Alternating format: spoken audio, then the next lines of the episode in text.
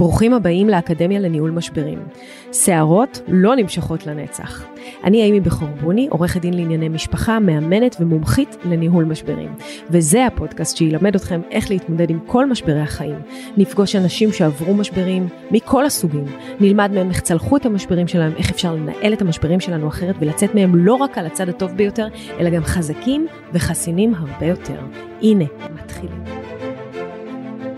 ברוכים הבאים לפודקאסט של עורכת הדין אימי בכור בוני, האקדמיה לניהול משברים. והיום אני רוצה לדבר איתכם על משבר, וואו, הוא נוגע לכל כך הרבה נשים, יש אומרים לאחת מתשע, עכשיו כבר שמעתי לאחת משבע, וזה אפילו קרה לאימא שלי, אז אה, זה משהו שהוא קרוב לליבי. ואני רוצה בעצם להכיר לכם אישה מדהימה, שעברה את הסרטן הזה, אבל לא רק את זה, ואנחנו תכף אה, נעשה איתה היכרות, קוראים לה מיכל ששון. מיכל ששון כתבה ספר. הספר, אה, מאחורה כתוב בו, אני אקריא לכם ככה רק אה, משפט אחד, מישוש מקרי בחזה הוביל להרגשה, משהו, גוש לא קטן בצד השמאלי, ובאותו רגע העולם מגה עצר. לא עצירת קורונה, לא פאנצ'ר בגלגל, לא, הוא באמת התהפך. וכל מה שנדמה עד אז לאסון, נראה פתאום כמו משחק ילדים מקדים וקטן. אז uh, אנחנו נדבר איתה על המהפך, המגה מהפך הזה שקרה לה בחיים, על איך עוברים אותו, ומה נתן לה כוחות, ועל כל, כל מיני דברים אחרים, אבל היא לא סתם פה. מיכל יש לה הרבה כובעים, היא החליפה קריירה משמעותית שלוש פעמים, היא קוראת לזה הגלגולים שלי, שלושת הגלגולים שלי. היא חלתה בסרטן, אבל כתבה על זה ספר והפכה להיות סופרת. היא כתבה על זה בלוג בריל טיים, זאת אומרת שהיא תיעדה את זה ונתנה הרבה כוחות להרבה מאוד נשים.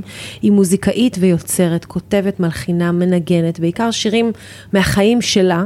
שירי העצמה נשית, היא מנחת קבוצות בשילוב אומנויות, מורה לריקוד נשמת השמש, גננת לשעבר ובנשמה, אם תשאלו אותה, היא גננת גם היום, להרבה נשים, מרצה ומופיעה בכל הארץ, מנחת NLP ומומחית בארגון והדרכת מסעות רוחניים לנשים, טיולים וריטריטים כבר עשר שנים, והעסק שלה נקרא אדמה רוח אישה. והאדמה רוח אישה זה אתר אינטרנט, אתם יכולים להיכנס, ויש גם דף עסקי ודף של קבוצת פייסבוק. אמ, ובאמת, וואו, מלא דברים, והבלוג שלה באתר נקרא אני אנצח. מיכל, שלום.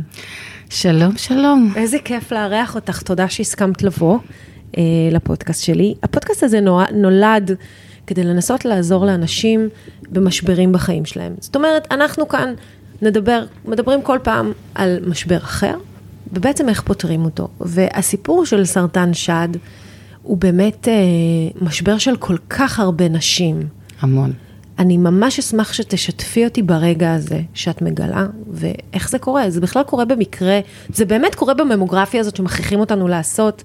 מה, איך זה קורה? זה יכול לקרות בממוגרפיה, זאת אומרת, אה, את יכולה לא להרגיש כלום, שום דבר, אה, ופשוט ללכת לממוגרפיה ופתאום לחטוף בומבה, פתאום אומרים לך, רגע, בואי נעשה לך גם אולטרסאונד, הדרך מתחילה. אצלי זה היה אה, קצת שונה, כי אני פתאום הרגשתי גוש. ממש פ... פיזית הרגשת אותו. פתאום ב... הרגשתי גוש. עכשיו, אה, אני שמעתי על אה, לא מעט מקרים כאלה. חברה שלי אמרה לי שתוך יום היא הרגישה גוש של שבעה סנטימטר, שאתמול לא היה שם. שבעה סנטימטר? שזה בתוך המון. יום? בתוך יום. זה לא נפיחות? זה גוש? זה גוש, זה היה גוש סרטני, עברה כריתה. אצלי זה היה גוש יותר קטן, קצת, קצת פחות משלושה סנטימטר, אבל גם אני, אני פשוט זוכרת את הפוזה, אני שוכבת לי במיטה, ככה 12 בלילה, רואה איזה סדרה, עיניים חצי עצומות, ידיים ככה משולבות על החזה, ופתאום, מרגישה. מה זה? כן. Mm.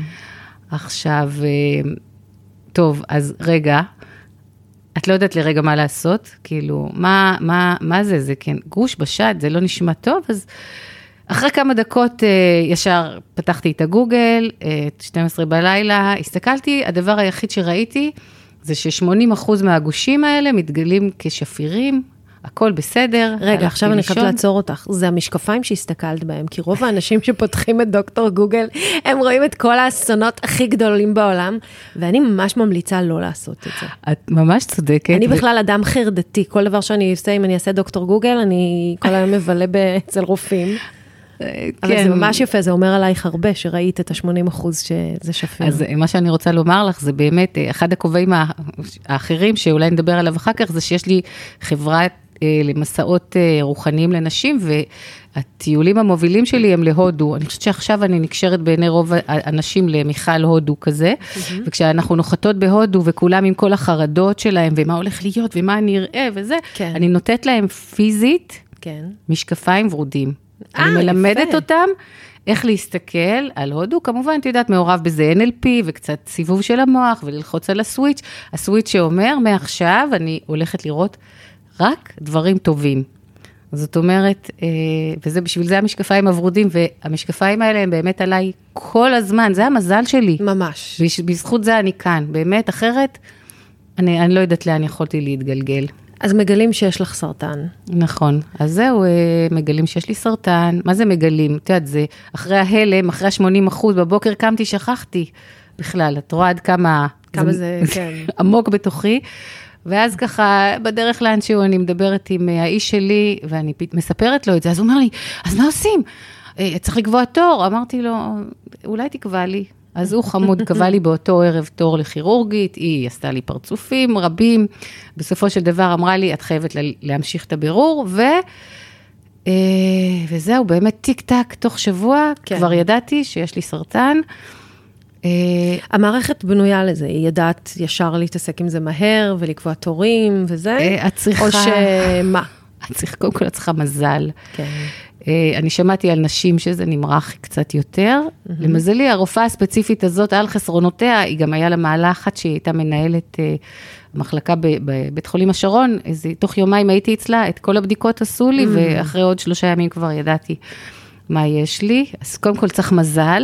אז איך מתמודדים עם הידיעה הזאת? איי, אני אגיד לך מה, שלב א', שלב שאת בכלל, אני לפחות, את בכלל לא יודעת שזאת את. זה כאילו מדברים על מישהי אחרת. אני רובוט, רובוט לגמרי. כן. זאת אומרת, קודם כל, את גם, עד שמגיעות התשובות הסופיות באמת מהביופסיה, שזה לקח לפחות שבוע, או אולי עשרה ימים, את ממעטת לספר את זה. כי בתוך תוכך את אומרת, אה, אצלי אני 180 אחוז, ואם אני 180 אחוז, אז למה לספר? למה? לאימא שלי כבר באותה תקופה גם היה סרטן. גם שד? היה לה סרטן גם שד וגם המעי הגס וגם גרורות, וממש וואו. לא רציתי סתם להדאיג אותה. אז אה, לא דיברתי הרבה, אבל כמובן שכל האנשים הקרובים אליי ידעו, אה, אבל אני בעצמי לא ידעתי. כן. אני רובוט, אני יודעת שיש למישהי פה סרטן השד, אבל זה לא אני. כי מה זה קשור אליי בכלל? זה לא קשור אליי, לא יכול להיות שיש לי סרטן. אפילו שיכול להיות, כן? זה כן. רץ במשפחה.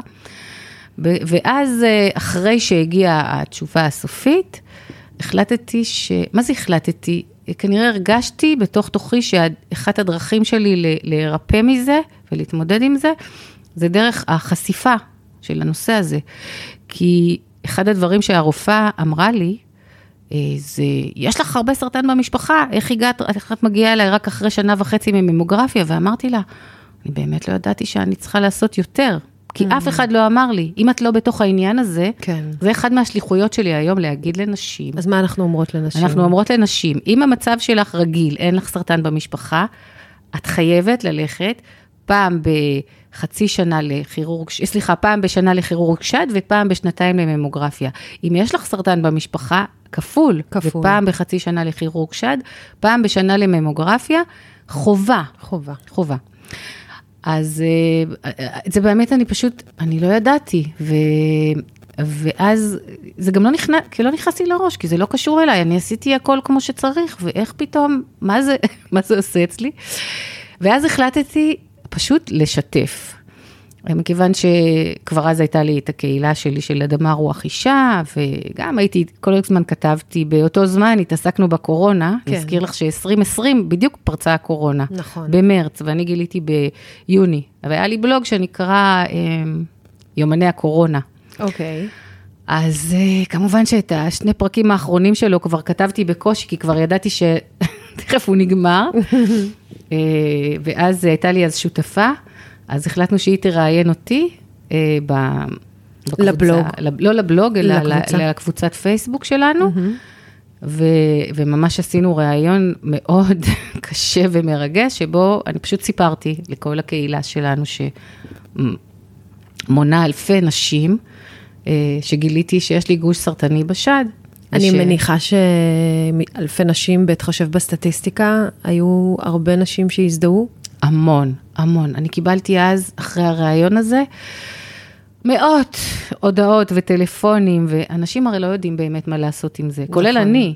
אם מישהי תגיד לי, יש לי, אני, אני אעצור ואני, אז אני אזכר בידע שיש לי, ורק אז אני אתן לה חיבוק ואני אגיד לה, אני פה בשבילך. אבל רוב האנשים לא יודעים מה לעשות עם זה. לא יודעים איך להגיב. לא יודעים איך להגיב, אומרים לך, זה יהיה בסדר, זה יהיה לך קצת קשה ואת תבריא, את תותחית, כל מיני מילים כאלה, שכל חולה וחולה שונאים שנאת מוות.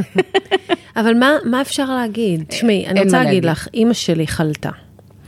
ו, אה, והסיפור הוא דרמטי, כי זה סיפור מצחיק מצד אחד. אימא שלי לא אוהבת, בת, לא, לא אוהבת קופות חולים.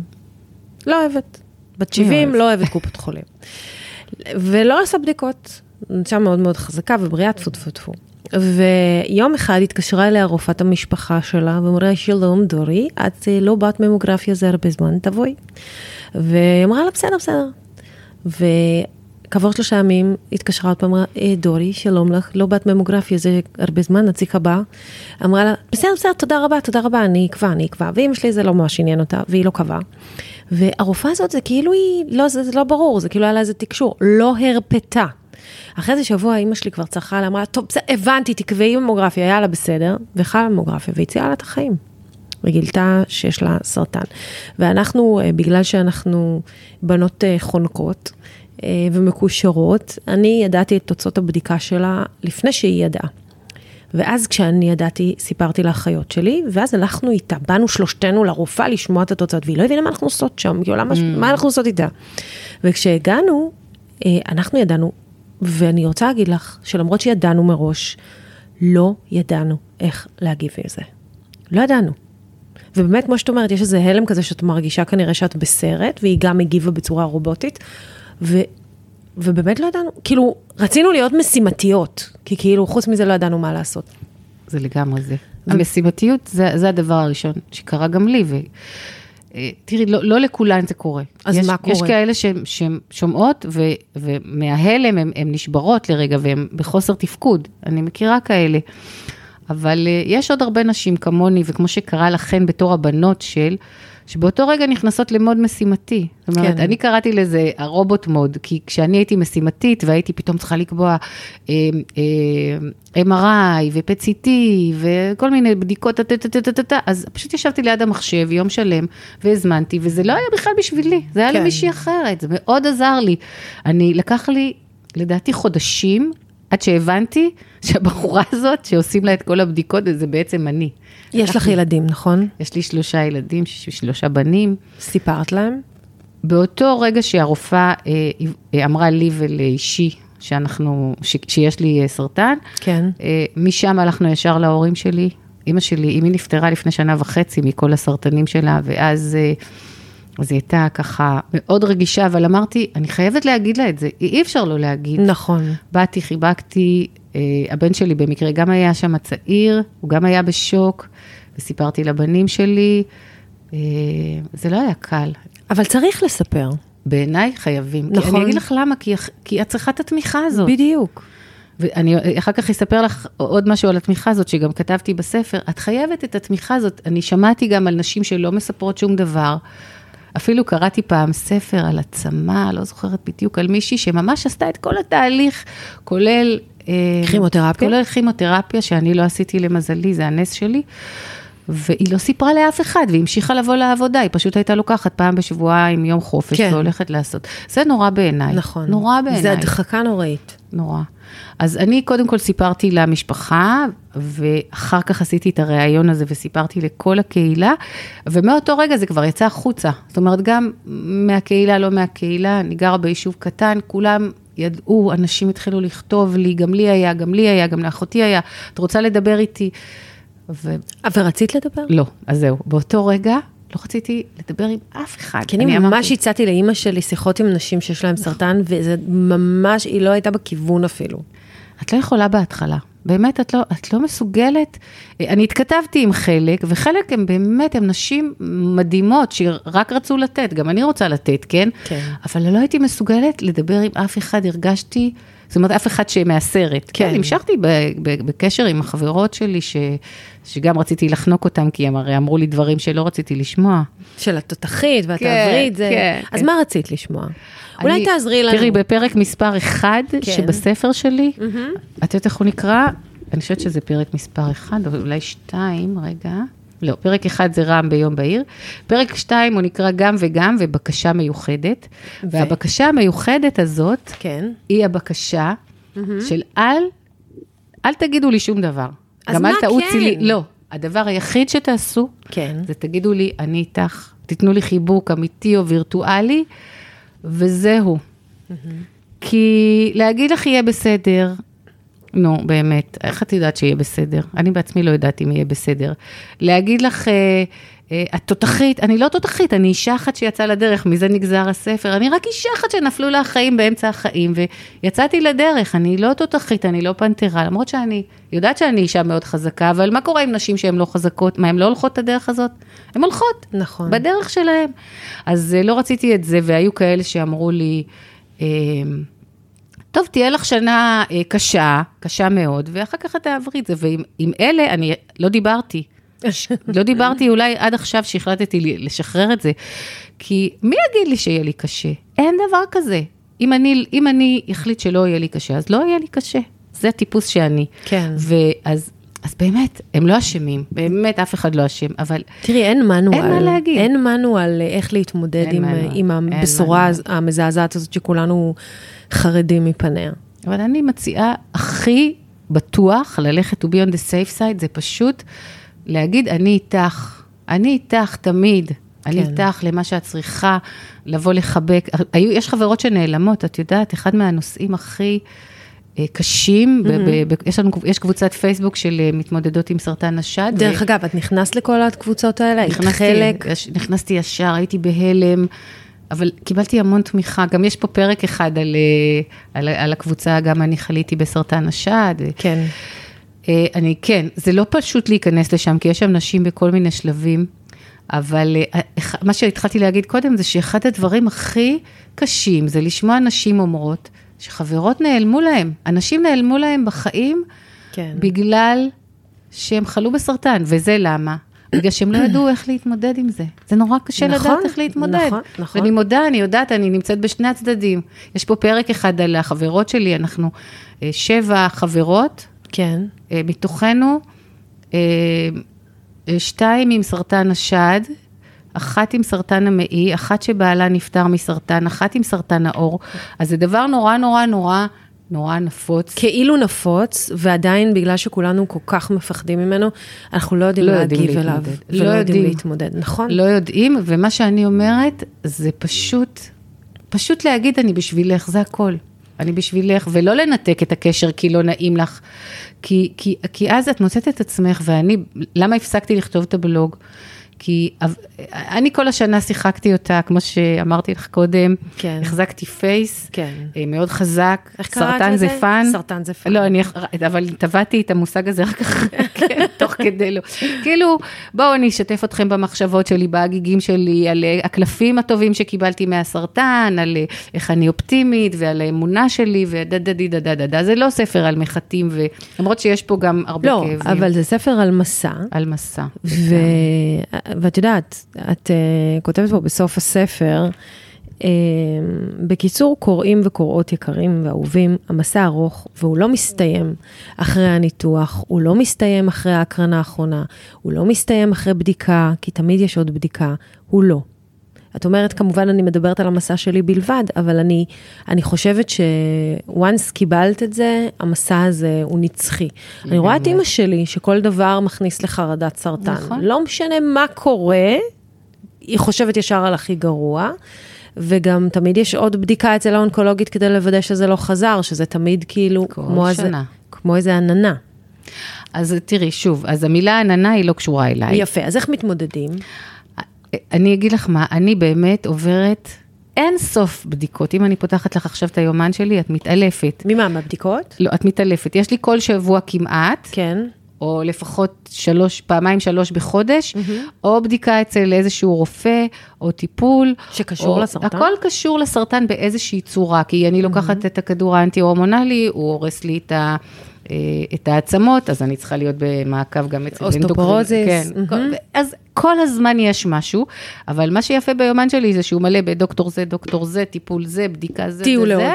הודו, תאילנד, דרום הודו, אה, צ'כיה, אה, יוון, אני כל הזמן, החיים שלי ממשיכים, הרצאה הזאת, הרצאה הזאת, הופעה הזאת, הופעה הזאת, והכל משולב. אני פשוט הבנתי, ואין ברירה אחרת. מי שלא מצליחה להפנים את זה, או מי שמתעלמת מזה, אה, אה, הרבה יותר קשה לה. היא נלחמת, אני לא יכולה, אני לא נלחמת אז מה במציאות. הבנת? הבנתי שזהו, קיבלתי את זה, זה שלי. זה כמו שנולדתי עם, אה, עם, אה, עם נעליים מידה 41, הם לא התכווצו, אפילו שזה לא בסטנדרט הסיני, כן? כן, נכון. זה המידה שלי, ופעם, את זוכרת, לא היה אפשר למצוא נעליים נכון, במידות נכון. כל כך גדולות. כן.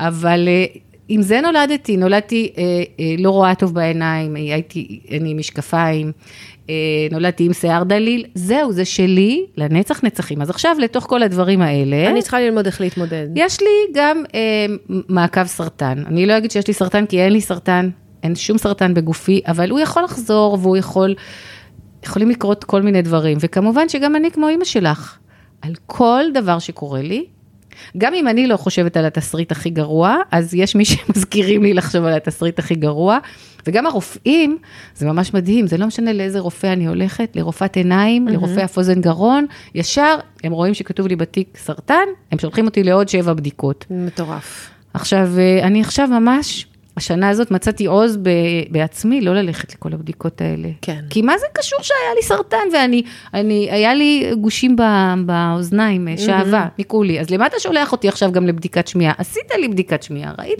עוד בדיקה ועוד כל דבר. אז, אה, אז צריך להפנים את זה, שזה חלק מהחיים, ולא לתת לזה לדכא אותך יותר נ- מדי. נשארו לך אה, תופעות לוואי? לתופעות לוואי בספר אני קוראת אה, מלווים בלתי רצויים, לא רציתי להשתמש במילה הזאת. נשארו לך מלווים בלתי רצויים?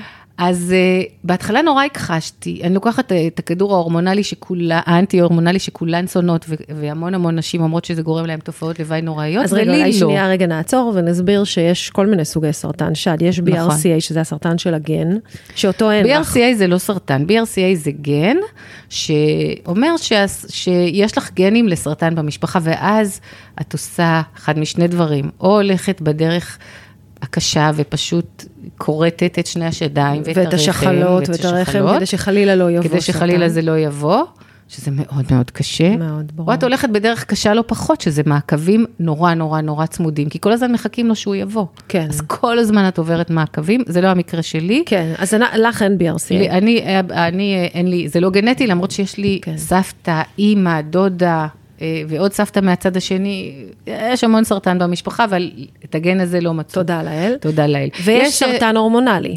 עכשיו, הסר... תראי, יש המון סוגי סרטן, אין שני סיפורים שהם אותו דבר. באופן כללי מאוד מאוד, mm-hmm. יש שלושה סוגים גדולים. אחד מהם זה באמת סרטן הורמונלי, זאת אומרת סרטן שניזון מהורמונ... מהורמונים, mm-hmm. ובגלל זה אני אה, ממעיטה בלאכול אה, מאכלי, מוצרי חלב, למרות שאני לא יכולה לא, כי בחלב יש המון הורמונים.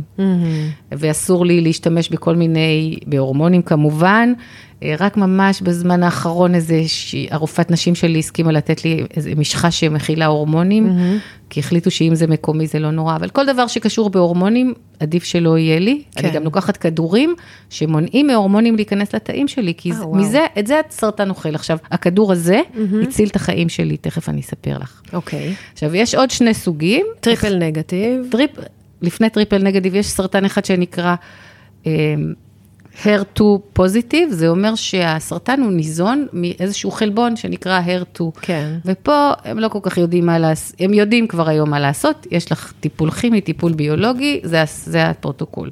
ויש סרטן שבכלל לא יודעים ממה הוא ניזון, ואז הוא נקרא triple negative. triple negative. הוא לא ניזון, לא מהורמונים, לא מהחלבון הזה, ולא יודעים. לא יודעים. זה מה שנקרא ששאלתי את הרופאה, כי לאמא שלי יש triple negative, אמרתי לה, אבל, אבל למה זה? את יכולה להסביר לי למה, מה זה קרה, מה אני יכולה לעשות כדי שלא יהיה לי? אז היא אמרה לי, זה הקזינו של החיים. בדיוק. זה סרטן ה-shit happens. אבל כל הסרטנים הם shit happens, כאילו מי שיש לה HER2, מה, מה, מה היא עשתה כדי ש... כן, לא, אבל הם יודעים שיש... וגם ההורמונים, את לא יודעת, זה כן. יכול להיות גנטי ויכול להיות סביבתי, ואת יודעת מה, יש נשים אה, שחיו הכי בריא שבעולם, כן. וגם זה מגיע נכון, אליהם. נכון, אז נכון. אין, זה אין פה חוקיות. ככה הבינגו של החיים. כן, אז אלה שלושת הסוגים העיקריים, אבל בתוך זה יש עוד מיליון מיליון כן, סוגים כן. שלא נלאה את נכון, המאזינים, אבל- כי זה פחות מעניין. אוקיי, אז אני, אני בכל זאת רוצה לדבר על זה שהחלמת, תודה לאל, תודה לאל. ואת חיה, כמו שאמרת, עם זה, ואת נוסעת להודו, לטיולים, למסעות רוחניים. אז קודם כל, המסעות הרוחניים האלה לא הגיעו בעקבות הסרטן, זה היה לפני, אם אני מבינה לפני. נכון. זה היה לפני. אבל היום הם, אה, קודם כל זה לא רק הודו, זה סתם הודו זה יעד מאוד מרכזי, אבל אני נוסעת להמון מקומות, נוסעת למרוקו, לקוסטה ריקה, לתאילנד, ליוון, גם לאירלנד. ככה בטיולי נשים, בריטריטים? דבר, אותו אוקיי. דבר, אותו אבל לא, אני מניחה שבהודו זה עושים אה, מדיטציות, ובקוסטה ריקה, מה, גולשים? אה, בוא נגיד שהמסע הרוחני הוא, הוא תמיד מסע מאוד אישי, שהוא נגזר גם ממה שאת מביאה, גם ממה שהמרחב מציף אצלך, וגם ממה שאני מביאה אה, כמנחה, כמדריכה. כן. כן, את כל המדיטציות אני מביאה. אבל נגיד סתם, קוסטה ריקה, זה מסע שאני קוראת לו ללא גבולות. נשים בוחנות את הגבולות שלהם. וזה זה מטורף, את יודעת, אם את עושה, מספיק שאת עושה אה, אומגות, כן, זה עושה לך העצמה נשית אישית מטורפת. נכון. זה מסע ללא גבולות. אז אני בכל מרחב, אני אוהבת לתת לו את השם שמתאים לו, והטיול באמת לובש צורה אה, אחרת. אז מה עושים בהודו? אז... כאילו, אה, אני, נגיד, הודו מרתיעה אותי, מפחידה אותי. אה, אז אני אתחיל ואגיד שהודו, נו. קודם כל תשימי משקפיים ורודים עכשיו, רגע. אני שמה, כן, שימי, כן. אוקיי. אז קודם כל אני אגיד לך שהודו, זו מדינה ככל המדינות, ויש לשם שלה יחסי ציבור ממש גרועים. באמת? כי הרבה מהדברים שאת תראי בהודו, את יכולה לראות גם בארץ. אני גרה באלפי מנשה, צד אחד שלי ג'לג'וליה, כפר קאסם, קלקיליה, כל המקומות האלה. הרבה מהדברים שאת תמצאי בהודו, עם הילדים עם הנזלת והביוב בכבישים, את תמצאי גם שם. וגם גם אולי במקומות אה, דווקא, את יודעת, מקומות פחות אה, עשירים אה, בצד היהודי של המפה, אין לי שום אה, נטייה. כן. אני פשוט אומרת מה מקיף אותי. כן. מה שכן, בהודו, כפי הנראה, יש גם מקומות הרבה יותר קשים, אבל את לא תגיעי לשם. אוקיי. כיוון שמה ש... מה שאני בתור אה, בחורה שמתעסקת בתיירות כבר 30 שנה גיליתי, שתיירים הולכים לאיפה שתיירים הולכים. תיירים נכון. אוהבים לראות את מה שתיירים אוהבים לראות. ואף אחד לא מעוניין ללכת לעשות סיור אה, מדרכות שבהם ישנים הודים שאין להם איפה לגור. נכון. אז את לא תגיעי לשם, מבינה? תגיעי, הודו היא מדינה מדהימה ביופייה, באמת, יש שם, היא מחולקת ל-28 מדינות, וכל מדינה, זה כמו, כמו, זה כמו בארצות הברית, נכון, שאת תהיי בקולורדו, זה לא כמו שתהיי בפלורידה, זה נופים אחרים נכון. לגמרי, זה אוכל אחר, זה אנשים אחרים, זה אפילו שפות אחרות לפעמים, אה, והכל יפה. קודם כל זה יפה ויזואלית, אנשים לא מאמינים. וזה טעים. וזה טעים למי אני שאוהב. מאוד אוהבת כן, אוכל אז זהו, אז, אז זה טעים למי שאוהב, אני מאוד אוהבת. עכשיו, והרוח, באמת, כשאני נוסעת להודו, אני פחות צריכה לדאוג להביא את הרוח מהבית. בגלל שהיא כי רוחנית ממילא, מאוד. ממילא הרוח שם באוויר, אבל איך, איך מרגישים את זה? איך, קודם כל את פוגשת, ההודים הם בעצם לא חיים בעולם הזה, בואו נתחיל ככה. אוקיי. ההודים הם חיים בעולם, בעולם משותף עם העולם של העולם הבא והעולם של האלים והגן עדן והגיהינום, ביחד, הכל ביחד בחיים האלה. נגיד אם אצלנו, אנחנו מאמינים, מי שמאמין באלוהים הולך לבית כנסת בחגים, או כל בוקר מתפלל וחוז... והולך לעבודה, אז בהודו בכל פינת רחוב יכול להיות לך איזה מקדש או מקדשון אפילו, או אפילו רק בובה של האל אה, גנשה נגיד, האל הפיל הזה. כן. והם אה, יניחו מנחה, יגידו כמה תפילות וילכו הלאה. למכבסות קוראים אה, שיבה לונדרי, כאילו השמות של המקומות הם השמות של האלים. כולם בעצם דתיים במובן מסוים. כן, אין דבר כזה לא דתי. זאת אומרת, אין מישהו שם אתאיסט. לא אני מאמין חושבת בכלום. שהיום, אני חושבת אולי שהיום, היום יותר, היום, היום כבר יש, כן. וגם זה לא רק, אה, תראי, זה הדת הכי גדולה בהודו, באמת זה ההינדואיזם עם כל השלושה כן. מיליון אלים שבכל פינה.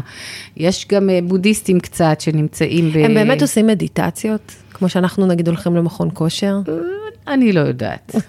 מי ש... מי ש... אה, אה, בדרמסלה, איפה שגר הדלאי למה, ויש שם בודהיסטים, אז זה חלק מהשגרת יום של האנשים שגרים במ- במקדש, אבל לא של הבן אדם הפרטי. הפרטי, אני לא חושבת, אבל הם כן הולכים לטקסים.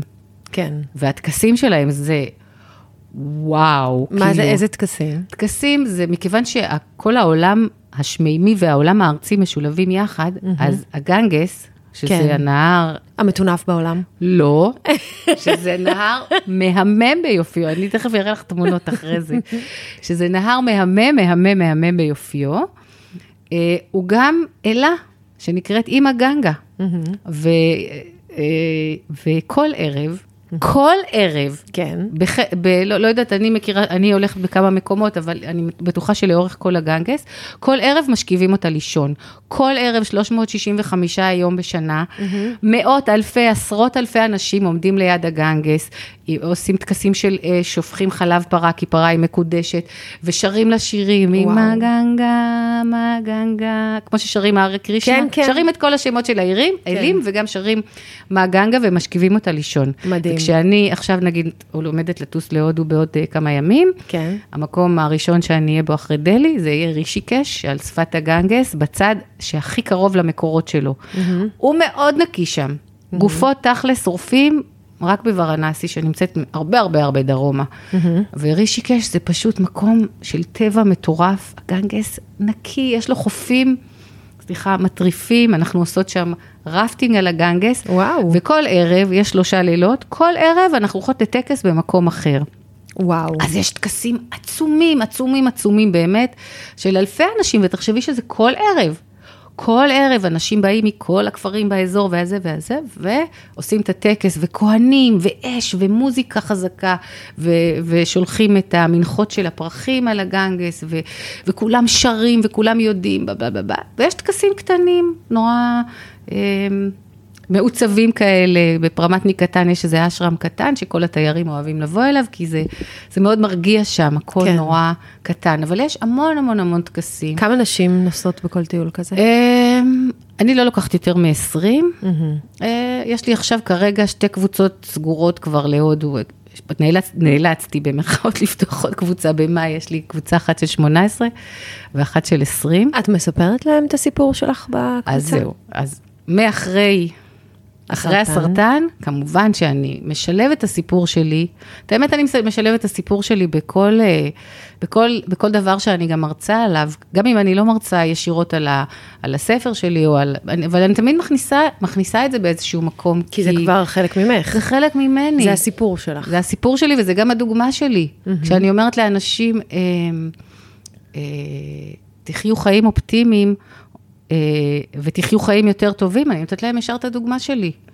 כי רובנו לא כל הזמן אופטימיים הרי. נכון, אבל את מכירה נשים שחלו, אה, ואז זה עשה להם בדיוק הפוך, שיתק אותם, השאיר אותם בבית, אה, השבית אני אותם. מכירה. גרם להם אה, להגיד, לא, אני לא אסע, כי אני לא יודעת מה יהיה. אני... לגבי, תראי, בין המטיילות שלי יש, יש, מכיוון שהיום זה לא אחד מתשע וגם לא אחד משבע, אני חושבת שאולי אחת משש, לפחות בארץ. כן. יום אחד מישהו הסביר לי למה בארץ יש יותר חולות מסרטן השד. יודעת למה? כי, כי אנחנו יידיש שמאמה. יש לנו מלא דאגות, כל הזמן אנחנו, יידיש שמאמה כל כן. הזמן דואגת לבעל ולילדים ולזה, ויש לנו המון, אנחנו נשים שיותר דואגות. אז הדאגות מביאות לנו סרטן. אז הדע... כן, זה מישהו שהסביר לי את זה באיזושהי גישה. ולא משנה, יש פה המון המון נשים, וכשאני, קבוצה של 20 נשים יכולות להיות 2, 3, 4, 5 נשים שעברו סרטן השד באיזשהו שלב, גם כן. יותר לפעמים. אז, ואלה שלא עברו, זה מאוד חשוב לי שהם ישמעו על זה כדי לה- להעלות את המודעות. כן. את יודעת איך כמה פעמים אני שואלת את החברות שלי, עשית בדיקה כבר? כן. הלכת, קבעת, וכולם אומרות לי, כן, כן, אני קבעתי. כן, כן. אה, כי זה מאוד מאוד חשוב. אז תראי, אני מש, משתדלת לא לשלב את ה, באמת הפרטים הטכניים והקשים. אבל היינו בשאלה על אלה ש, שזה מפיל אותם, אז כן, תשמעי, יש לנו קבוצת אה, פייסבוק, אמרתי לך, שנקראת גם אני חליתי בש, בסרטן השד, שמאלפי נשים בכל מיני שלבים. אה, שאת יכולה, אם, כאילו, אלה שבשלבים של הפעילים, שעכשיו עוברות כימו וכל זה, כן. זה, זה מאוד מאוד קשה לקרוא. אה, אני באופן אישי, לא עזבתי את הקבוצה, ואני נשארת שם רק בשביל לתמוך, בשביל, אה, באמת בשביל אישה שכותבת, עכשיו דיברתי לפני יומיים, שהכל חרא, והיה לה ככה, ואז גם אימא שלה, ואז גם בזה, ואין לה זוגיות, ויש לה, ונשבר לה, והלך לה, וזה, זה, זה, זה, זה, זה, זה. אני כותבת להן, לנשים האלה, את הטלפון שלי, כן. ואני אומרת להם, תתקשרו אליי. ואז מה את אומרת להם? בואי תגידי את זה עכשיו. לכל אני לא הנשים יודעת, אני ששומעות את מפזרת הפודקאסט אבקת הזה. קסם, את תקשיבי, יש לי בטלפון, כן. יש לי איזה 50 נשים שקוראים להם אילנה גם אני, ריקי גם אני, שרון גם אני. כן. וכולן אחרי שיחה איתי אומרות לי, וואלה. עכשיו, איך שיפרתי את? המצב רוח? אני קודם כל פותחת להם? את הפלונטר. האחרונה שדיברתי איתה, שזרקה לי, נשברה לי הכתף, ואין לי חברים, ואימא שלי ככה, וזה קרה, אני לא זוכרת כבר את כל הסיפור.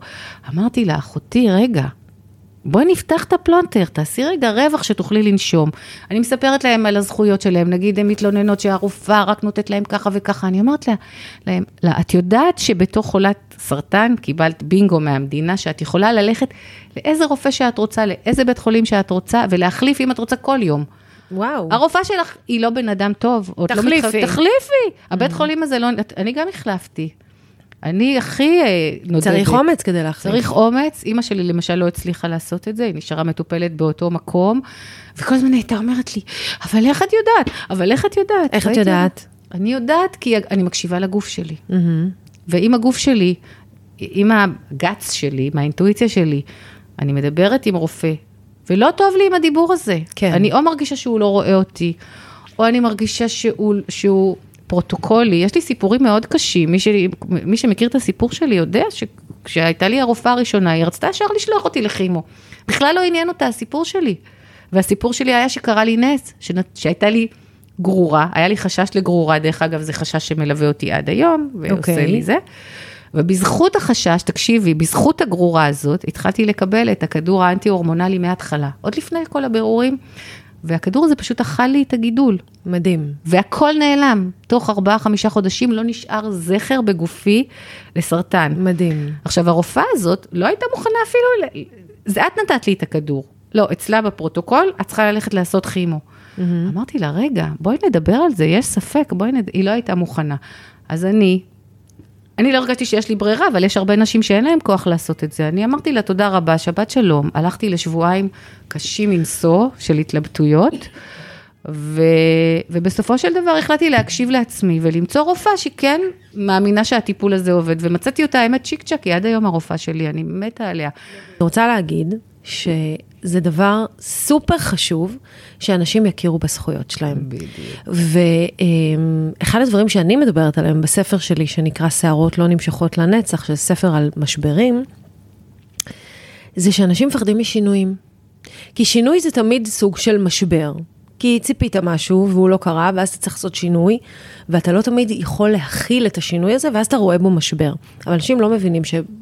יש להם את המשפט הזה של חרא מוכר יותר טוב מחרא חדש, אבל זה לא נכון, זה לא חייב להיות חרא חדש. לא. זה יכול להיות משהו אחר, זה יכול להיות רופא אחר, זה יכול להיות שיטה אחרת, זה יכול להיות טיפול אחר, וצריך הרבה אומץ לגמרי. כדי לעמוד מול הרופאים. אבל אני רוצה להגיד לכם, הם לא יודעים הכל. הם לא יודעים. אתם הרופאים הכי טובים של עצמכם. אז בדיוק. את אומרת בדיוק את מה שאני אומרת. רופא הוא לא אלוהים, רופא הוא בן אדם פשוט עם, עם, עם, אה, שדואג רק לעצמו. בוא נגיד שאפילו רופא שנשבע שבועת היפוקרטס, היפוקרטס? כן, כן. הוא בעצמו פועל מתוך המניעים של עצמו, לא מתוך המניעים שלך. קודם כל הוא פועל על פי פרוטוקולים, ובחינוך שמרני, נכון. ולא תמיד מציעים לכם את כל הניסויים שיש, ובטח לא את כל התרופות שיש, כי הם לא בסל הבריאות. כי הן יקרות. כי הן יקרות, וצריך נורא נורא להיות, באמת, לש... לנהל את המשבר הזה, גם נכון. שזה מחלה, פשוט לנהל אותה. יש לי הרצאה יש לי הרצאה שהיה לנו איזה TED אה, ביישוב שאני גרה, ואני עשיתי הרצאה על, אה, על פרויקט ניהול תיק סרטן.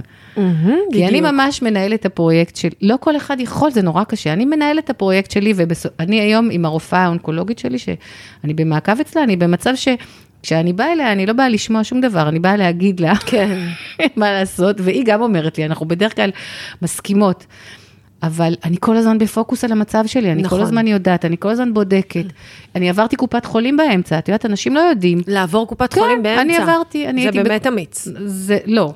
אז זה לא אמיץ בכלל. א', אני חשבתי שהקופת חולים השנייה, לא משנה כרגע השמות, כן. ייתנו לי שירות יותר טוב. וקיבלת שירות יותר טוב? ו- ואז גיליתי שעל פי חוק, כל קופת אמורים. חולים מחויבים לקבל אותך באיזה מצב שאת לא נמצאת. נכון. עכשיו, מה, מה ה deal breaker פה?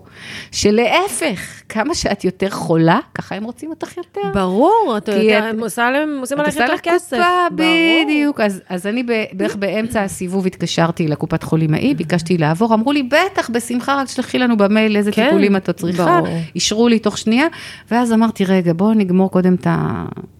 את הבלגן, הסיבוב הזה, ואחרי כן.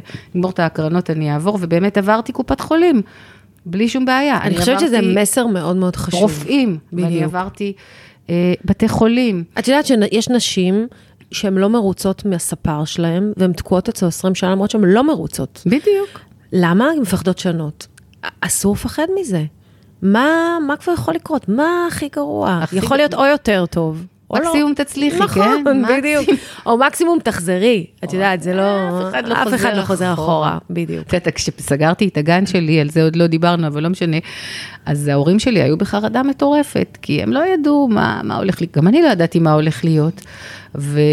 ואיך אני אתפרנס, ואני בכלל לא ידעתי שום דבר, רק ידעתי שאני עכשיו רוצה להוציא טיולי נשים. ולעשות הרצאות, והייתי מנחת, נהייתי מנחת קבוצות. סגרתי את הגן, מכרתי הכל, אז אבא שלי שאל אותי ככה בשקט, הוא אמר לי, אבל שמרת קצת דברים בצד, נכון? שאם תרצי לפתוח עוד פעם, אמרתי לו, אבא, לא, אני צריך אחזור." לשרוף את הספינות, כן, אחרת לא כן, חוזרים. בדיוק. טוב, זה מדהים, תשמעי, זה באמת אה, מעורר השראה. אני חושבת שזה המשבר שהכי מפחיד אותי בעולם הזה, ואני מניחה שזה הכי מפחיד את זה רוב מפחיד. בני האדם, כי זה משבר בריאותי ואין לנו שליטה עליו, וזה לא משהו שאנחנו יכולים לסדר, ולא משהו שכסף יפתור לנו, ולא משהו שאנשים אחרים יכולים לפתור לנו, זה אנחנו בתוך ה... אני אגיד מילה אחת על כסף. כן. כסף לא פותר את הדבר הזה, אבל חוכמה בכסף עוזרת מאוד מאוד. ואני כבר אומרת עכשיו לכל המאזינים רגע, מה שלך, זה אומר? רגע. אני זוכרת לפני אולי 15 או 20 שנה, שהתדיינו בבית עם לעשות ביטוח רפואי פרטי. עכשיו, לא היה לנו הרבה כסף, היינו זוג צעיר, בלי הרבה כסף, ואני אמרתי לבעלי, מה זה השטויות האלה? מה זה עכשיו 300 שקל לחודש? מאיפה יהיה לנו? חייבים. ודווקא הוא התעקש. עכשיו תביני, הביטוח הפרטי שלי, מהיום שגילינו סרטן, שילם עליי עשרות, אולי מאות אלפי שקלים. אני מקבלת תרופה שהיא לא בסל הבריאות, שהיא תרופה של 12,000 שקל בחודש. מטורף. שהביטוח משלם. אז אני לא אומרת, זה לא שכסף עוזר, זה חוכמה. נכון, זה לעשות ביטוח הבריאות, בריאות, כן, נכון? זה, זה דבר מאוד נכון. מאוד חשוב. זה חלק מתכנון כלכלי, גם של הבריאות שלך. כן. יש לנו צוואות, שזה תכנון כלכלי של אחר המוות, שאנשים מתקשים מאוד רגשית לעשות, וגם זה, ביטוחי נכון. בריאות, ביטוחים סוציאליים, ביטוחי אובדן כושר הכנסה, אין מה לעשות. אז מיכל, אני באמת רוצה להגיד לך תודה גדולה שבאת, וחלקת את הסיפור הלא פשוט הזה, ושמפחיד את כולנו, ואיכשהו הצלחת לדבר אותו, ושהוא יישמע לא כזה אה, נוראי, באמת בגלל המשקפיים הוורודות שיש עלייך כל הזמן. כל הזמן. ותודה על כל העצות האלה. אם יש עוד איזה משהו שהיית אה, ככה בתור אה, מסר למאזינות או מאזינים רוצה להגיד, אני הייתי שמחה לשמוע. לסכם את המשבר כן. הזה. אני רוצה פשוט לומר אה, למאזינים, ובמיוחד למאזינות, תקשיבו לעצמכם. אתם תמיד צודקות. אם הגוף שלכם מרגיש משהו לא בסדר, תלכו ותתעקשו על הבדיקות, גם אם הן לא כלולות, גם אם הרופאה רוצה, לא רוצה לתת. בדיקות, תרופות, הכל, תקשיבו קודם כל לגוף שלכם, הוא יותר צודק מכל רופא שבעולם. וזה לא חייב להיות רק בסרטן, דרך אגב. אני מכירה הרבה סיפורים על אנשים שלא הרגישו טוב ואמרו להם, אה, זה בסדר, אה, כן. אז תיקחו כדורים פסיכיאטריים, תיקחו זה, בסוף היה גידול. נכון. אז תקשיבו לעצמכם, ו- וכשאתם מתמודדים עם מערכת הבריאות, אם משהו לא נראה לכם, תחליפו. תחליפו. במיוחד חולים אונקולוגיים, זה בחוק. מותר לנו להחליף וללכת ולשמוע כמה שאנחנו רוצים. תודה רבה רבה רבה. אנחנו היינו הפודקאסט שערות לא נמשכות לנצח, והנה אתם רואים, אפילו השערה הזאת לא נמשכת לנצח. ותודה לכולם שהאזנתם, אנחנו בגוגל, באפל פודקאסט, באינסטגרם, בטיק טוק, איפה לא, איפה שתחפשו אותנו, שם אנחנו נמצאים. מדברים איתכם על כל המשברים שלכם ומנסים לתת כלים ולעזור. אה, אם הפודקאסט הזה עזר לכם, אנחנו נשמח אם תעבירו אותו הלאה לכמה שיותר נשים וכמה שיותר אנשים. יאללה ביי.